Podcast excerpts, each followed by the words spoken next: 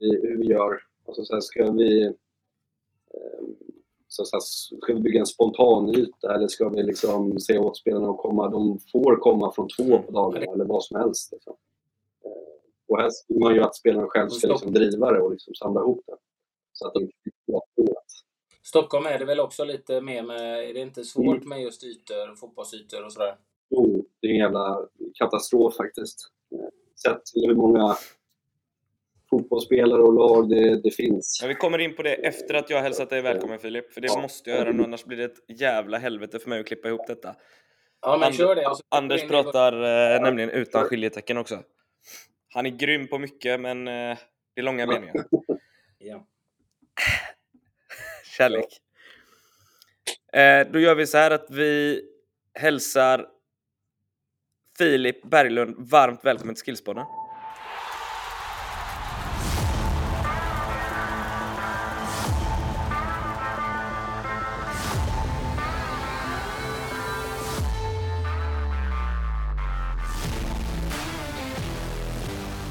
Stort tack! Kul att få vara med. Kul att du är med. Underbart. Eh, det här ska bli kul. Ytterligare en sportchef, Anders. Mm.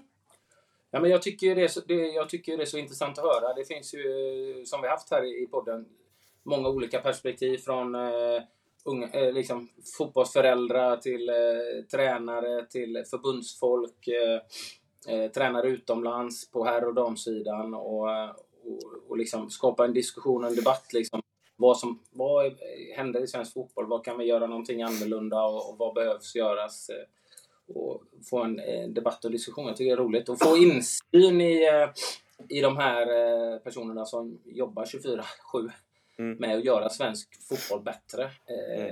Det är ju intressant. Absolut. Och du Filip, vi har redan pratat lite om att vi, vi vågar killgissa fram att du nog är Allsvenskans yngsta sportchef. Eh, ja, jag tror det också utan att jag har kollat upp det, men det, det tror jag nog. Att jag... Vi säger det nu. Är det i alla fall. Ja, eh, och det tror jag kommer stå sig också faktiskt. Men vad, vad, du bytte ju av, eller bytte av, du ersatte Peter Kisvalodi i BP och ja. lämnade Bayern. Eh, ja. Kan vi gå tillbaka lite dit och prata om dels din fotbollsbakgrund, för du har ju varit spelare själv. Ja. och dels vad du har gjort i Bayern då. Ja. Nej, men eh, ja, jag är ju född och uppvuxen i Uppsala, så att eh, jag växte upp där och eh, tog mig upp till, eh, till Sirius A-lag ganska tidigt. Eh, och gjorde väl två säsonger där. Eh, var väl eh, lite så här ung och lovande. gjorde väl en, två U19-landskamper i samband med det. Hiljemark bland annat och Mm. Claesson har lirat lite med, bara för att dra lite referens mot Anders, det vid Borås. Mm. Eh, sen eh, flyttade jag, var det dags att bli vuxen så att eh, jag bestämde mig för att flytta, flytta till Hudiksvall. Det var Andreas Brännström som flyttade upp dit då, när han lämnade Sirius och då följde jag med han. Så att det var jäkligt lärorikt att få mm, bo, bo själv och ta hand om sig själv och kanske inte var en lika stor klubb som, som Sirius var då, även fast Sirius inte är en gigantisk klubb, så var det ändå lite skillnad. Eh, mm. Och det var jävligt nyttigt för mig. Eh, få lite perspektiv på att fan, man hade det ganska bra när man väl var i Sirius. Eh, med sin jäkla hets. När man jämför sig hela tiden med, med spelare i samma ålder, han spelar allsvenskan, han går utomlands eller han är med i landslaget och så mm. kanske inte går lika, lika snabbt för en själv. Eh, så att jag tror att det är många som brottas i det. Eh, så att det var nog viktigt för mig att få, få landa i en, eh, en lugn miljö och få, få, få börja laga mat själv och bädda och tvätta och, och allt. Mm. Så jag träffade min sambo där. Vi har varit ihop nu i 11 år, så att det var också ett litet plus i kanten faktiskt. Får man säga. Jag flyttade till Norge och så spelade där i två och ett halvt år eh, innan jag av ganska tidigt. Eh, jag, eh, eh, vi bodde ju i en ganska liten by mellan Ålesund och Molde. Och eh, få tjejen att bo kvar ytterligare något år, det, det gick bara inte. Mm. hade väl eh, något eh, superettanlag på motsvarande nivå i Norge som, som ville ha mig som hette Florö. Men det var två liksom mellanlandningar eh, där folk gick av och på planet så att redan på flygresan dit så, så kände jag att det blir nog svårt här också. Eh, Ja. så, eh, jag eh, slutade spela helt enkelt, bara bestämde mig på försäsongen att eh, jag, jag skiter i det här. Så att jag började plugga lite juridik. Och hur gammal var du då? Eh, Det här var ju snart, det är ju sju år sedan nu snart. Mm. Eh, Så att, eh, och då, då hörde Vasalund av sig faktiskt och eh, frågade om, eh, jag sökte faktiskt en, en scoutingtjänst hos dem. Eh, De hade massa tjänster ute eh, i olika befattningar och eh, tid. Så jag sökte en av de rollerna men fick väl alla. Eh, Men betalt 50, 50 procent. Eh, Så att jag gnuggade på där med allt möjligt med scouting, med kupper, med eh, spontanfotboll ute i Södra Järva-området, Eh, ehm, utbildningsansvarig, tränade lag. Så att jag fick en ganska, ganska bra bild av föreningslivet på, på de två säsongerna jag var där. Eh, Mm. Även fast det var hårt arbete så var det ändå bra att, ehm, eh, att förstå att det krävs en jäkla, jäkla tid och engagemang för att jobba inom föreningslivet Mm. i- klubbar som, som är stora men ändå små. Eh, sett till resurser, hur många som arbetar på kansli och så vidare. Mm. Eh, och eh, 2018, där hösten, så gick jag över till Hammarby. Eh, och har väl egentligen jobbat där eh, allt, alltså mest med, med scouting och rekrytering och eh, truppsammansättningar eh, och sportchef för vårat, eller vårat, mitt före detta vårat, eh, U23-lag, HTFF där också. Just det. Och nu i mitten av oktober i år, så, eller förra året, eh, så gick jag över hit som sportchef. Så det är väl min, min bakgrund. Snyggt. Ganska bred ändå för att vara så pass ung, får man ändå säga. Ja, exakt. Eh, Men jag har väl investerat en jäkla massa tid de sista åren på det för att få så bra erfarenhet av det som, som möjligt. Och det är väl, som alla andra säger, det är väl mer än en livsstil eh, än ett jobb på något sätt. Och, eh, jag trivs med det även fast det, det blir ju perioder där det blir helt mycket och eh, det är ju svårt att, att vara ledig fullt ut så att man får ju försöka liksom bara älska och, och, och jobba, vilket eh, jag gör hittills. Exakt. Och så är det fotboll också. Så länge man pallar. Liksom. Ja, precis. Man är ju Sen- ung i samhället i alla fall, så det är bra. Ja, exakt.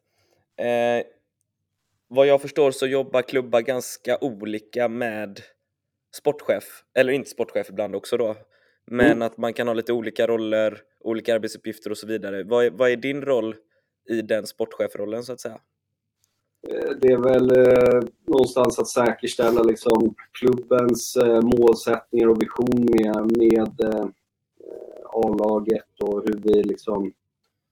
I BP är det ju, är det ju starkt förknippat med, med egna egenfostrade spelare så att mer försöka liksom skapa en eh, truppstrategi där vi liksom kontinuerligt får fram unga spelare. För det är väl som vi brukar säga, vi har ju liksom domarkostnaderna är ju större än publikintäkterna här eh, på, Mm. på Glimt. Eh, vårt enda sätt och vår enda överlevnad det är ju att eh, få upp spelare till A-laget och eh, sälja dem vidare helt enkelt. Eh, Ja. så det är väl min primära uppgift kopplat eh, till att eh, ja, få ihop eh, tränarteamet, spelartruppen och alla reaktiva saker som, som dyker upp i en sportchefs vardag. Det är ju ganska brett jobb. Mm. Allt från lägenheter till att se till att spelarna har det bra och att de vet, var de ska gå om de behöver handla om de är nya här till att, eh, eh, till att sälja spelare och ta in spelare och, och allt. Mm. Ni, ni sålde ju både Theo och Lukas Bergvall eh, direkt efter säsongen kan man väl säga till eh, Djurgården och det måste väl ha varit en ganska bra affär för, för BP. Var det, var det ett mål att sälja dem nu eller var det för att täcka upp för framtida allsvenska kostnader så att säga? Nej, alltså det är ju, det är ju komplext. Eh, det där har ju ihop med lite sådär det är alltid tre parter i det och ibland fyra med, med agenter och, och, mm. och allt. Det har väl lite med kontraktslängd att göra och båda, eh, alltså Wilmer sålde också Odefalk. Just det. Mm. Eh, de hade väl avtal som gick ut nästa år. Mm. Och vi fick väl in ja, pengar som vi var nöjda med. Även fast vi förmodligen hade fått mer om de hade stannat och spelat Allsvenskan. Men ja, vi försökte. Man försöker ju förlänga och allt men ibland, ibland går det an och ibland går det inte an och då får man göra det bästa av situationen helt enkelt. Ja, jag fattar. Är, är det tufft, känns, känns det tufft i BP liksom att vara så duktiga på att ta fram unga spelare som kommer upp och sen ändå inte lyckas få dem att, liksom, eller att få dem att stanna kvar och spela. Nu går man upp i Allsvenskan. Är man relativt ung så skulle, jämför med mig själv, Elfsborg som hade spelat, mm. jag vet inte hur många år i, i division 1 som det var då på den tiden. Det var ju när ni var nyfödda nästan. Men när vi gick upp så var det ju flera av oss som unga spelare som från juniorlag som hade varit delaktiga i det. Och, men vi var ju kvar ja. i Allsvenskan i Elfsborg. Eh, men det känns som att de andra Stockholmsklubbarna är ganska snabba med att, att nypa era egna produkter när de när kommer upp på A-laget. Vilket, för det som, du var inne på det lite grann. Hade de spelat ett år i Allsvenskan, Allsvenskan har ju ändå även internationellt ännu bättre koll på. Och det kan ju göra också att eh, dels att man får ett slagkraftigt lag eh, i, i Allsvenskan och kan göra bra prestationer där. Det skulle i långa loppet, om man så rent krasst kunna vara att man hamnar i Europa och, och då snackar vi helt andra summor för spelarna till exempel. Men är det, det, det, är svårt för er kanske, kan jag tänka mig. Det känns frustrerande att jobba med det. Det är väl klart att det är eh, svårt att verka i en stad där det finns både Hammarby, Djurgården, AIK och BP liksom. Eh, så mm. att, eh, bara, bara det säger sig själv. Och att ja, vi är ju den minsta klubben på, mm. på så sätt. Men äh, jag vet inte. Jag, alltså, jag tror att vi får liksom eh, jobba mer proaktivt eh, kring liksom hur, vi, hur vi bygger A-truppen. Har vi en ung spelare på ett centralt mittfält, vem ska spela bredvid honom? Alltså, det behöver vara en hålla handen-spelare kanske bredvid honom. Så att vi, vi behöver liksom vi behöver bygga A-truppen utifrån vad vi har underifrån hela tiden. Och mm ligga i fas med, med avtal. Eh, så att jag tror att får vi till det och spelarna känner en jävla tro på att eh, vi har en bra miljö, vilket jag tycker att vi har. Eh, jag tycker att vi har den bästa miljön att slå sig igenom på, på i, i tidig ålder. Kopplat till liksom pressen som finns i, i de större klubbarna såklart. Mm. Så tror jag att vi, vi, kan, vi kan bli ännu bättre på det såklart. Och det är väl en av mina arbetsuppgifter att eh, mm. försöka hitta någon bra, eh, bra form att eh, få, ut, få ut mer av det. Just det.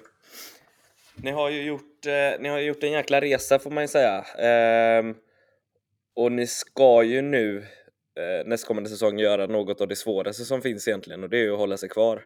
Är mm. det målet eller är målet att liksom såklart målet är att, att hamna så högt upp som möjligt och vinna så många matcher som möjligt. Men vad har ni för strategi kring att, att hålla sig kvar? För ni är ju som du säger i ett behov av att, och ni är en klubb som är i behov av att sälja spelare och det är en strategi. Mm. Eh, kommer ni plocka in? Ni har plockat in lite va? Ja.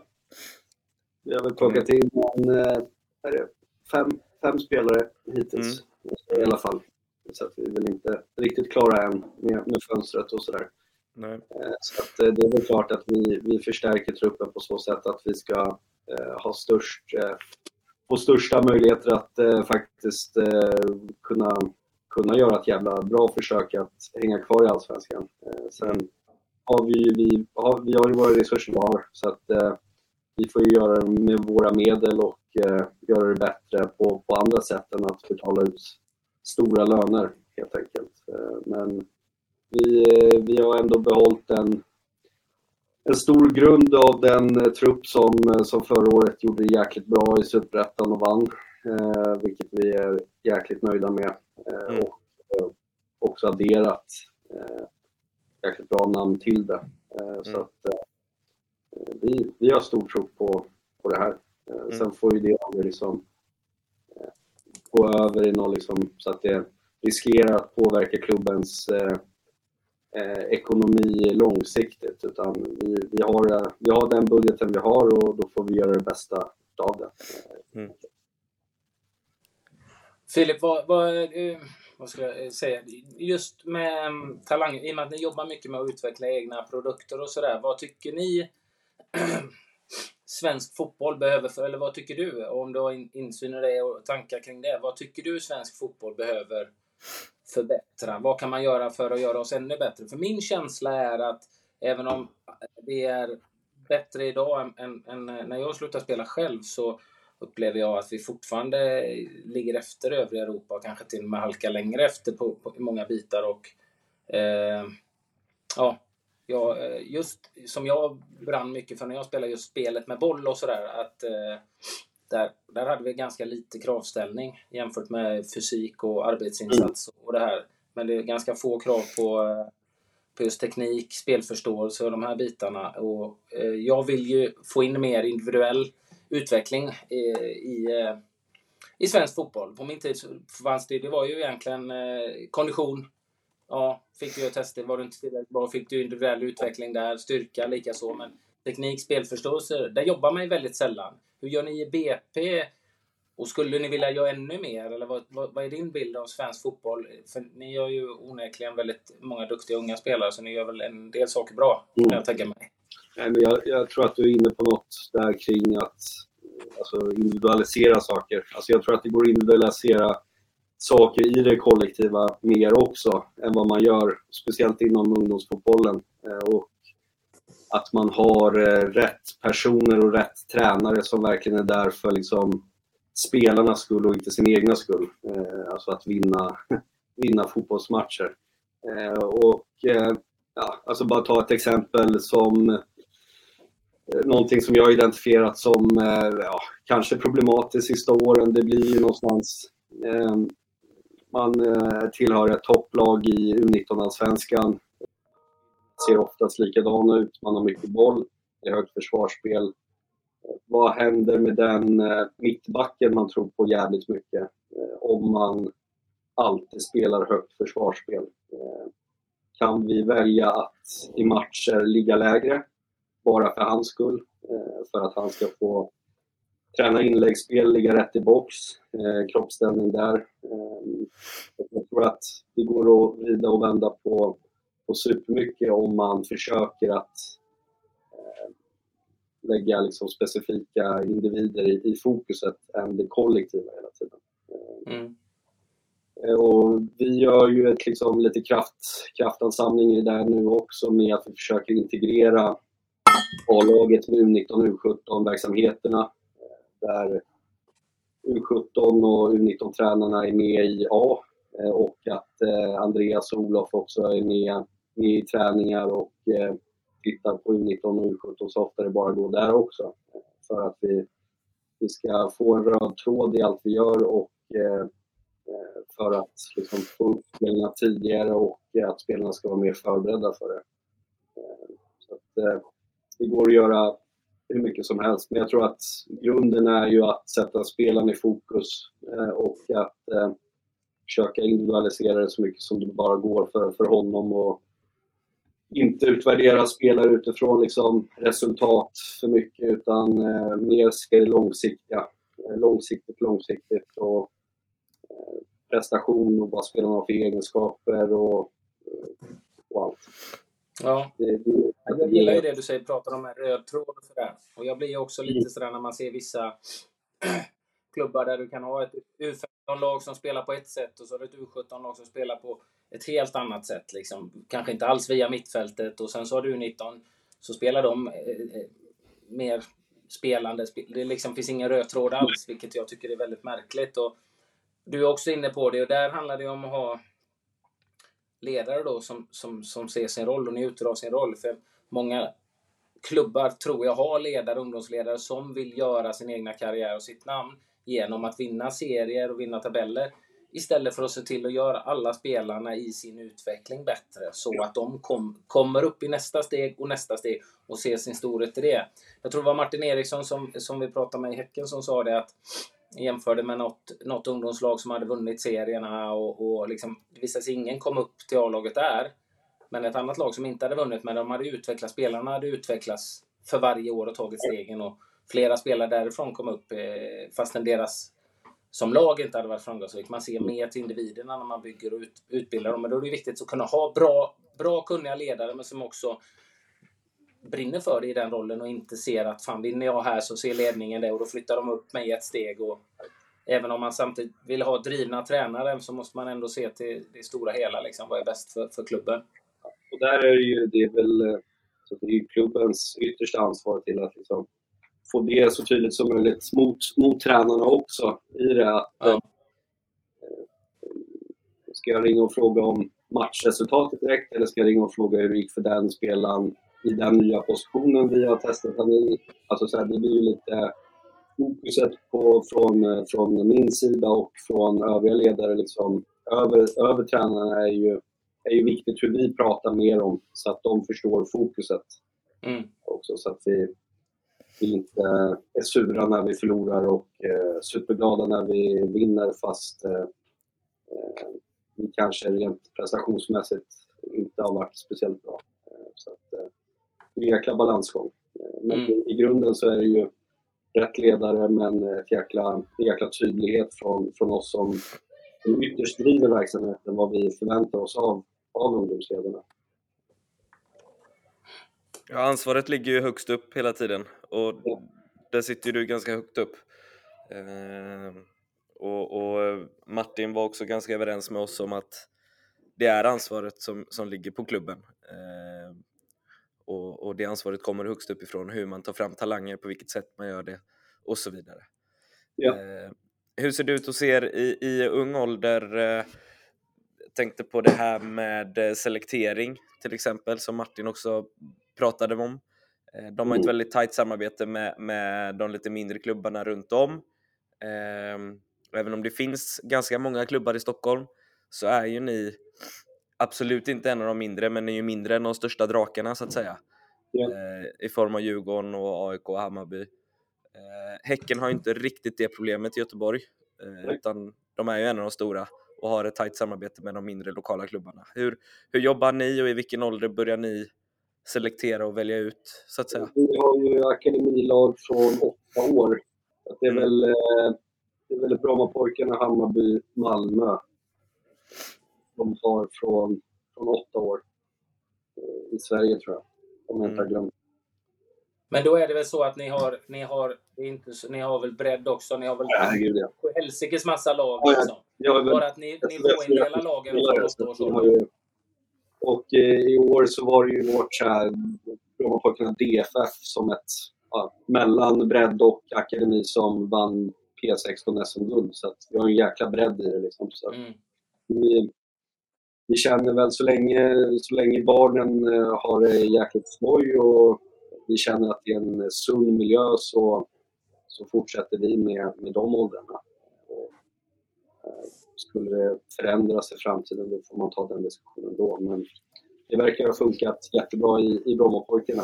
Eh, hittills i alla fall. Nu är jag ganska ny här så att, eh, jag har inte ja, riktigt haft... Sen september eller? Yngsta än. Nej. Är det sen september du har suttit på, som sportchef? Nej, mitten av oktober. Ah. Okay. Mm. Ja. Är det många lag i Stockholm som jobbar med tre olika nivåer? Så? Bredd och så ett DFF-lag och sen akademilag? Jag tror att det, Hammarby gör ju något liknande med TFF. TF. Ja, just det. Mm. Är det en rimlig ja, nivå tycker du? Att ha tre? Liksom, så att, sen, då, då utökar vi ju bara nivån för, eh, för bredden också på något sätt. Så att, eh, mm. det ser vi väl som positivt. Mm.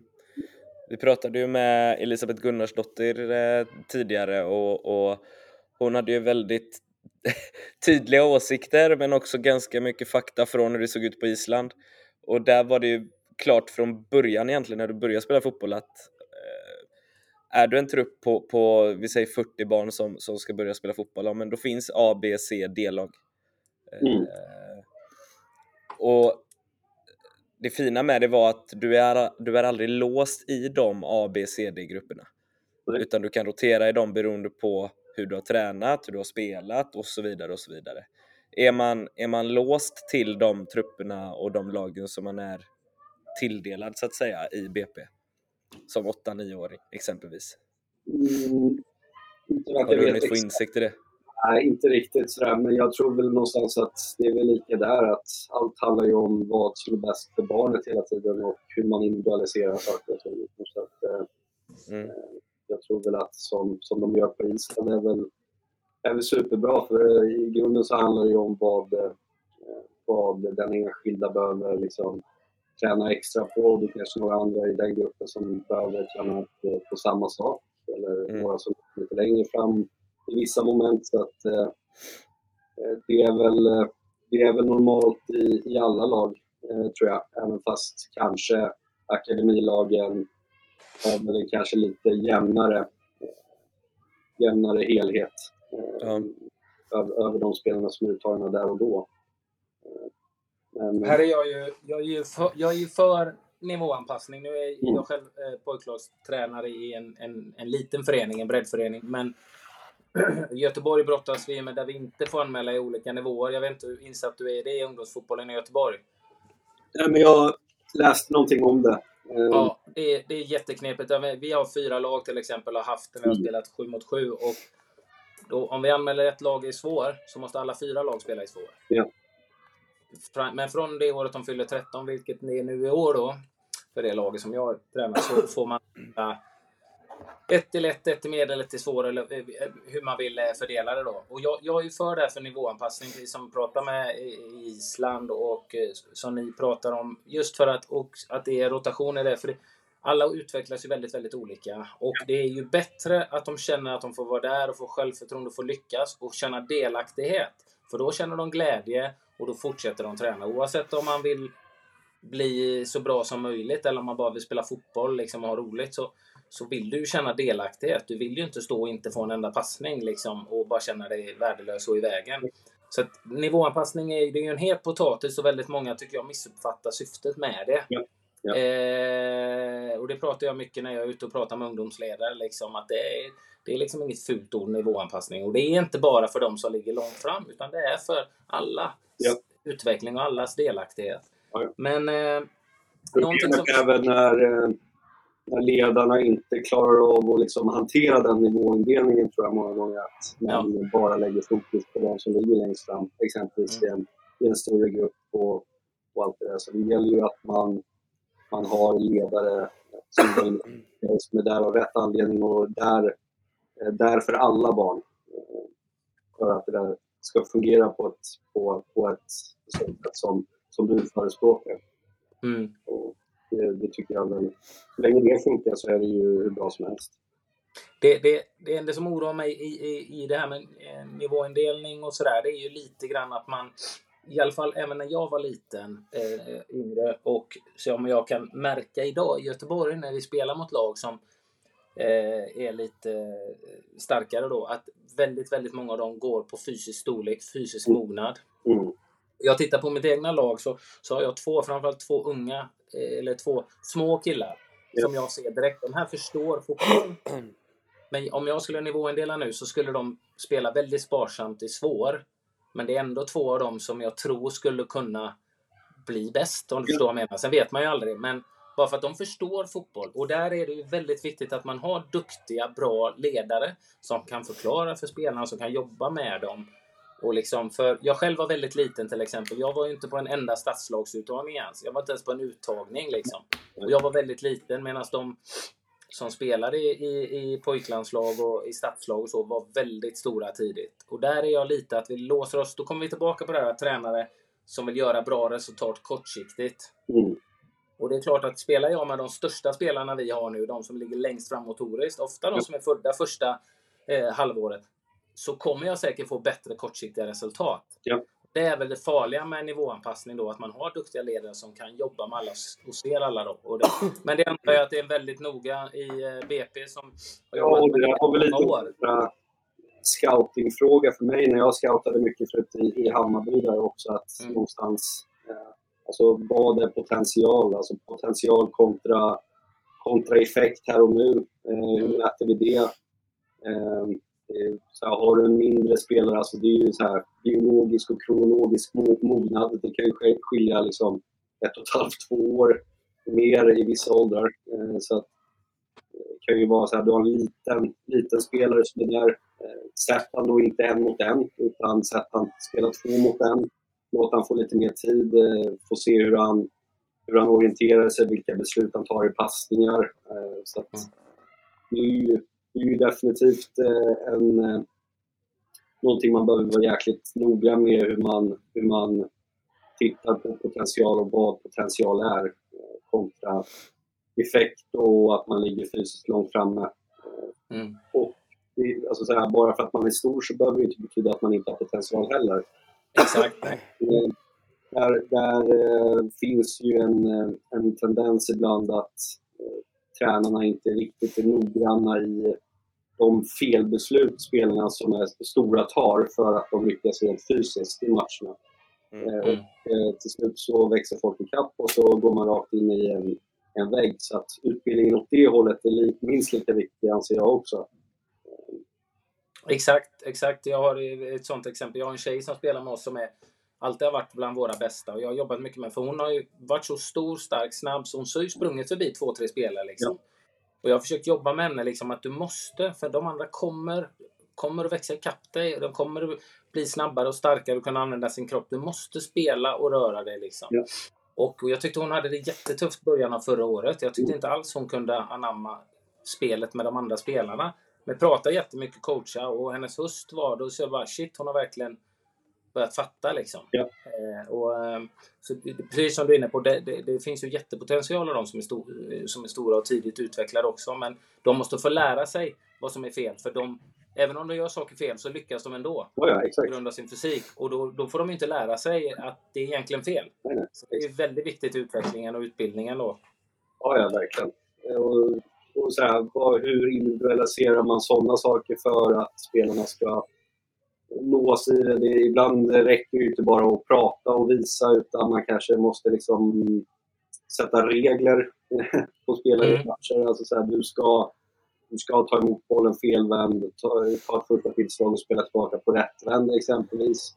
Ta in och liksom gå i djupled eller vad det nu kan vara. Det kan vara tillslagsbegränsning på, på någon central mittfältare för att du, ska, du behöver bli ännu bättre på att skanna innan du får bollen. Eh, så att jag tror att bara man är kreativ och eh, hela tiden försöker se nästa steg i utvecklingen hos oss individen så, så finns det hur mycket saker som helst att kunna, kunna stimulera dem i. Eh, även fast man är i ett kollektiv. Mm. Och just inne på det där med individuell träning, som jag, jag var inne på det själv där, att jag de som låg efter i någonting fick individuell hjälp så var det oftast fys. Antingen kondition, man löpte extra en ledig dag eller att man fick köra extra styrka eller, eller så vidare. Men det finns ju så många andra eh, och det är ju det, någonting som vi jobbar med hos oss, det här med att testa din eh, touch och din spelförståelse och vi vill ju testa så mycket spelare som möjligt så att vi kan få värden, att man ska komma och göra sådana tester lika väl som du gör ett jojo-test eller styrketest, snabbhetstest. Men eh, jobbar ni med individuell eh, träning i den biten med, med teknik, eh, spelförståelse, att bryta ut spelare i ungdomsåren eller i A-laget? Eh, är det någonting som du har sett? Inte bara i BP då, du har ju erfarenhet i andra klubbar också mm. tidigare då. Det är ju svårt i och med att du inte är så insatt där. Men är det någonting du har märkt? Finns det tillräckligt av den varan eller finns inte resurserna? Alltså, i BP är jag inte tillräckligt insatt än för att exakt. Men i, i Hammarby så hade vi i alla fall vi kallade det basfärdigheter och det är ju allt från liksom mottag till pass till att du liksom kan springa rakt fram, backa, hoppa. Allt du behöver liksom, alla basic-grejer du behöver kunna ha för att liksom överleva på en fotbollsplan eh, behöver mm. ligga på liksom en, en hyfsad eh, och, och jämn nivå. Eh, och brister någonting av det så, så fanns det alltid liksom en plan i då hade vi liksom avsatt tid 30 minuter varje onsdag eller efter träning där vi hade IUP. IUP-träning och det var mm. liksom mot den individuella utvecklingsplanen. Eh, och det hade vi egentligen från de yngsta åldern upp till 19 eh, Men eh, sitter de, sitter de med basfärdigheterna, och basfärdigheterna är liksom så här, egentligen från 8 till 12 så var det nästan bara fokus på basfärdigheter. När de sitter sen så var det i princip bara fokus på Eh, spetsegenskaperna i eh, specifika roller eh, på planen beroende på vad man hade för egenskaper. Istället för att försöka... Det är också så här, alla spelare kan inte se, det tror jag också är lite så här, Stockholms syndrom i början som jag tyckte i alla fall att man pratar om samma typ av fotbollsspelare hela tiden. och så börjar jag reflektera på de jag hade spelat med, eller de jag ser och där, där spelare har olika egenskaper, de ser olika ut och de kan fortfarande nå elitnivå eller spela landslag. Och så man får inte heller låsa sig bara vid eh, att alla måste kunna allt på ett hög nivå utan det man är jävligt bra på är att man ska fortsätta utvecklas så länge liksom basen sitter någonstans och man överlever på fotbollsplan. Det är exakt det du säger och det tror jag, det känns inte bara Stockholmssyndrom, det känns väldigt svenskt att alla alla ska bli, är du dålig på någonting så ska du förbättra det. Så att du är bra, så att du är tillräckligt bra på allt. Istället för att fan, du har några enorma spetskvaliteter. De här ska vi göra internationellt ja. bra liksom. Inte bara liksom förbättra en svaghet utan förfina spetskvaliteterna och styrkorna. Det, där tror jag vi har mer att lära oss också. Ja, ja verkligen. Och jag tror att så här, det är ju de utländska klubbarna är ju det är sällan spelarna som går så från ungdom ut till utlandet till de här större klubbarna, att de är hela på något sätt. Utan de har, de har spets eh, och sen har de ju brister åt andra hållet. Men de har ju någon plan över att utbildningen ska ge det här. Så de ska få ordning på de här bristerna och fortsätta utveckla spetsen som de har. Eh, så att, eh, där tror jag att vi behöver liksom ta ännu större steg inom svensk fotboll verkligen se positivt på spelarna. Alltså ha en positiv syn på de här spelarna, för de är jävligt duktiga, många av dem. Mm. Det är spelarna med, med spetsen snarare än som du var inne på, liksom, det de brister. Liksom. Det, det, det gör folk på landslagsnivå också, men de kompenserar det med någonting annat. Mm.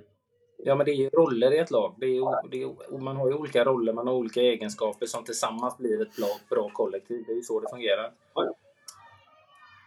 Skulle du säga något där Marcus? Du ser ut eller? Nej, jag skulle bara fylla i det att en utländsk klubb, det har säkert du mer erfarenhet av eh, Filip, men tar du en utländsk eh, medel till toppklubb, akademi som scoutar spelare i Sverige eller vart som helst annars, de tittar ju inte efter färdiga spelare. Nej. De tittar väl efter en mall som de tror att de kan forma i sin egna akademi. Ja. Dessutom. Exakt. Oh, exakt. Eh, och det är ju... Jag tror att alla... De, de klubbarna kan ju någonstans forma hela spelare. Liksom. Så, så pass skickliga är de ute i Europa. Så de, söker ju, de söker ju spets, helt enkelt. Spets på olika, olika nivåer och vad det nu är som är spets. Eh, det kanske låter svintråkigt att säga det kopplat till liksom, eh, fysik och sånt där, men eh, alltså, det jag har sett sista åren, liksom, de som säljs från Allsvenskan och lite tidigare med de som går för lite större, så har ju spelarna också en, en jäkla atletisk förmåga många gånger.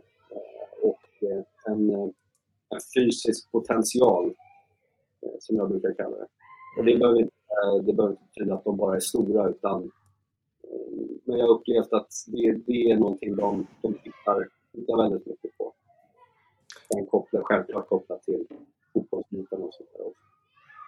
En bra grundfys liksom? Ja, och fotbollen är ju, den, det går, allting går ju snabbare och är hårdare och kräver mer. Du spelar mer matcher, tempot är högre, du, liksom, du måste vara mer komplett, liksom bättre tränad för att klara fotboll på ja. högsta nivån ja. är, nu än för 10-15 år sedan. Liksom. Det är ju jätteskillnad. Herregud, ja.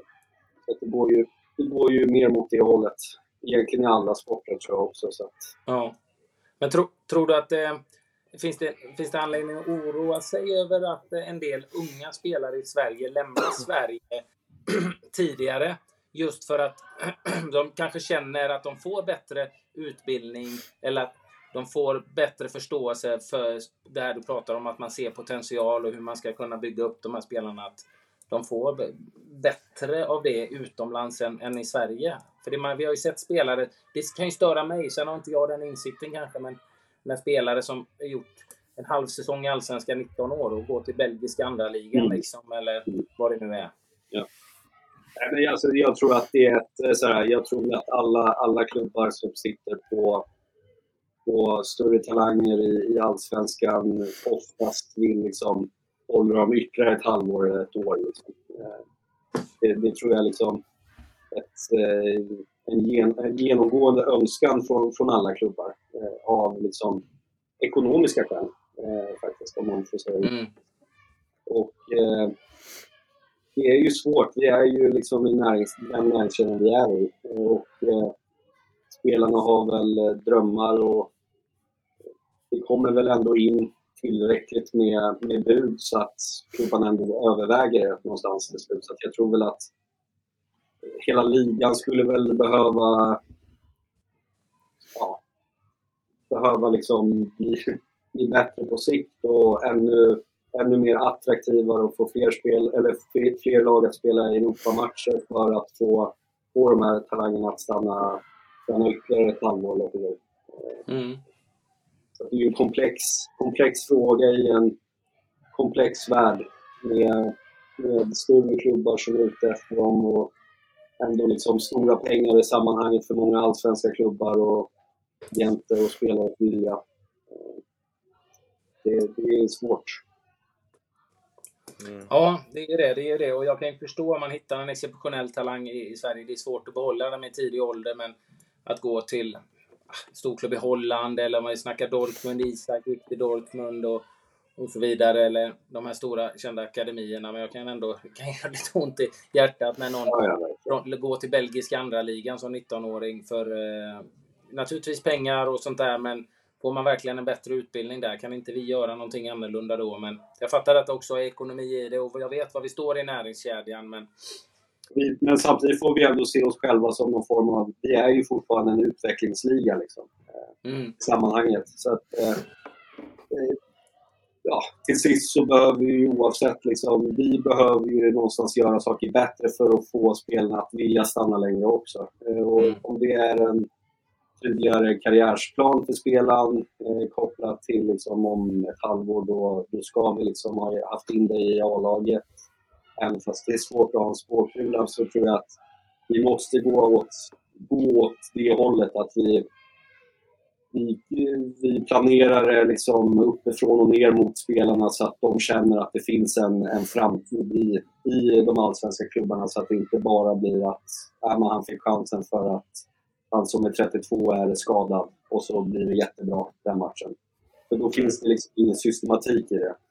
Eh, och systematiken behöver vi få till om vi ska, om vi ska kunna systematisera försäljningar och få ännu mer pengar. Eh, och, eh, får vi ännu mer pengar så kan vi konkurrera på, ett, på, en, på en högre nivå och då kan vi då kan vi kanske spela mer Europamatcher än vad vi gör och bli en mer attraktiv liga och så vidare. Så att, eh, vi behöver bli bättre, bättre, att, eh, bättre på att systematisera eh, hur vi jobbar med de unga spelarna och hur vi jobbar med karriärsplaneringar så att, så att vi får upp dem till vårt lag så att det inte bara blir av slump.